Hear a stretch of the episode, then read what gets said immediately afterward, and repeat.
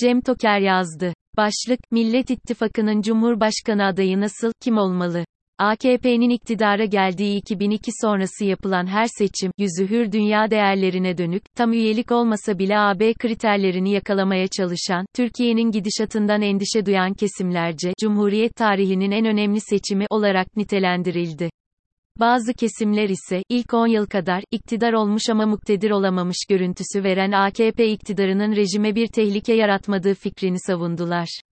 Yasama ve yürütmede mutlak kontrol sağlamış olan iktidarın önündeki son engel olan yargıda 12 Eylül 2010 referandumunda, tarihte hiç olmadığı kadar yürütme erkine bağlanınca, layık demokrasi ve hukuk devleti yandaşlarının endişe ve paniği artış gösterdi. Haksız da değillerdi. Nitekim, yargı bizim için ayak bağıdır, diyen Erdoğan söylemi, daha sonra, yargının gücü yetiyorsa, sarayın inşaatını durdursun veya, yargıya gerekli talimatları verdik, onlar da gereğini yapacaklar, gibi tamamen antidemokratik söylem ve eylemlere geçiş gösterdi. Seçim vaktinde 2023'te de yapılsa, 2022'de erkende yapılsa, AKP ve Erdoğan'ın bu seçimlere, düzelmesini kesinlikle beklemediğim ekonomik krizden dolayı tarihindeki en düşük onay ve beğeni oranıyla gireceği kesindir. 16 Nisan 2017 günü, mühürsüz 2,5 milyon pusulanın geçerli sayıldığı ve olağanüstü hal ortamında yapılan şaibeli referandum sonrası ülkenin rejimi değiştirilip, her kararın tamamen tek bir adamın iki dudağından çıkacağı sözlere bağlanmasıyla, Türkiye'nin dönüşü olmayacak bir yola girdiğini düşünen kişi sayısı da haklı olarak arttı. Bu çerçevede, hukuk ve anayasa gereği aday olup olamama konusunu bir kenara bırakırsak, son dönemde ivme kazanmış Millet İttifakı'nın önümüzdeki seçimlerde Cumhurbaşkanı adayı veya adaylarının kimler olacağı tartışması gündemde oldukça yer almaktadır.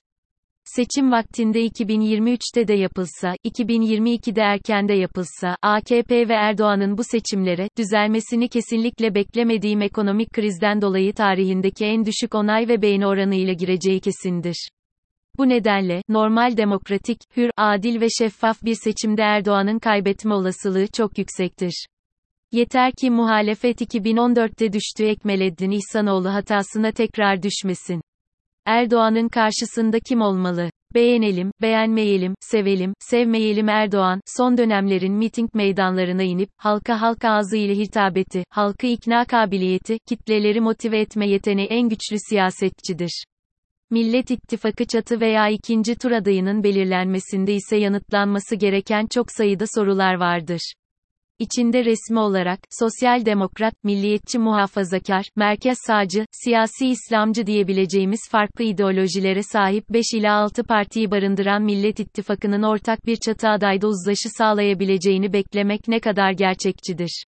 Farz edelim ki, ortak bir çatı aday isminde partiler anlaştılar.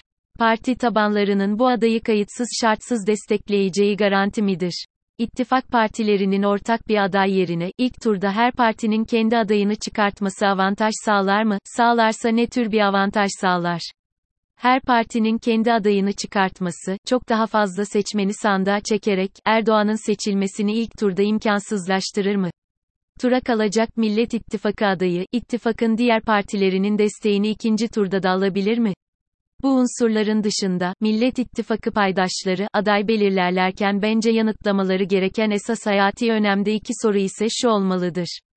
Çatı adayımız veya ikinci tura kalacak partili adayı, mükemmel, temsil yeteneği yüksek bir hukukçu, akademisyen, bürokrat gibi bir cumhurbaşkanı adayı mı olmalıdır, yoksa Erdoğan ile miting meydanlarında dişe diş, başa baş tartışacak, halka hitabeti ve ikna gücü kuvvetli, miting, meydan tecrübesine sahip bir aday mı olmalıdır? Zira benim açımdan ikisi çok farklı nitelik ve kriterlerdir. Örnekle anlatalım, bu seçimde aday bir Necdet Sezer mi olmalıdır, yoksa Süleyman Demirel veya Turgut Özal mı?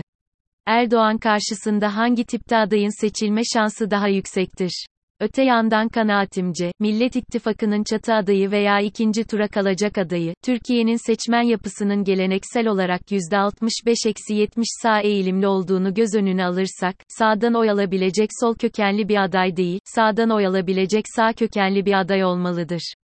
CHP'nin Ankara ve İstanbul'u bu kritere uyan adaylarla kazandığı unutulmamalıdır.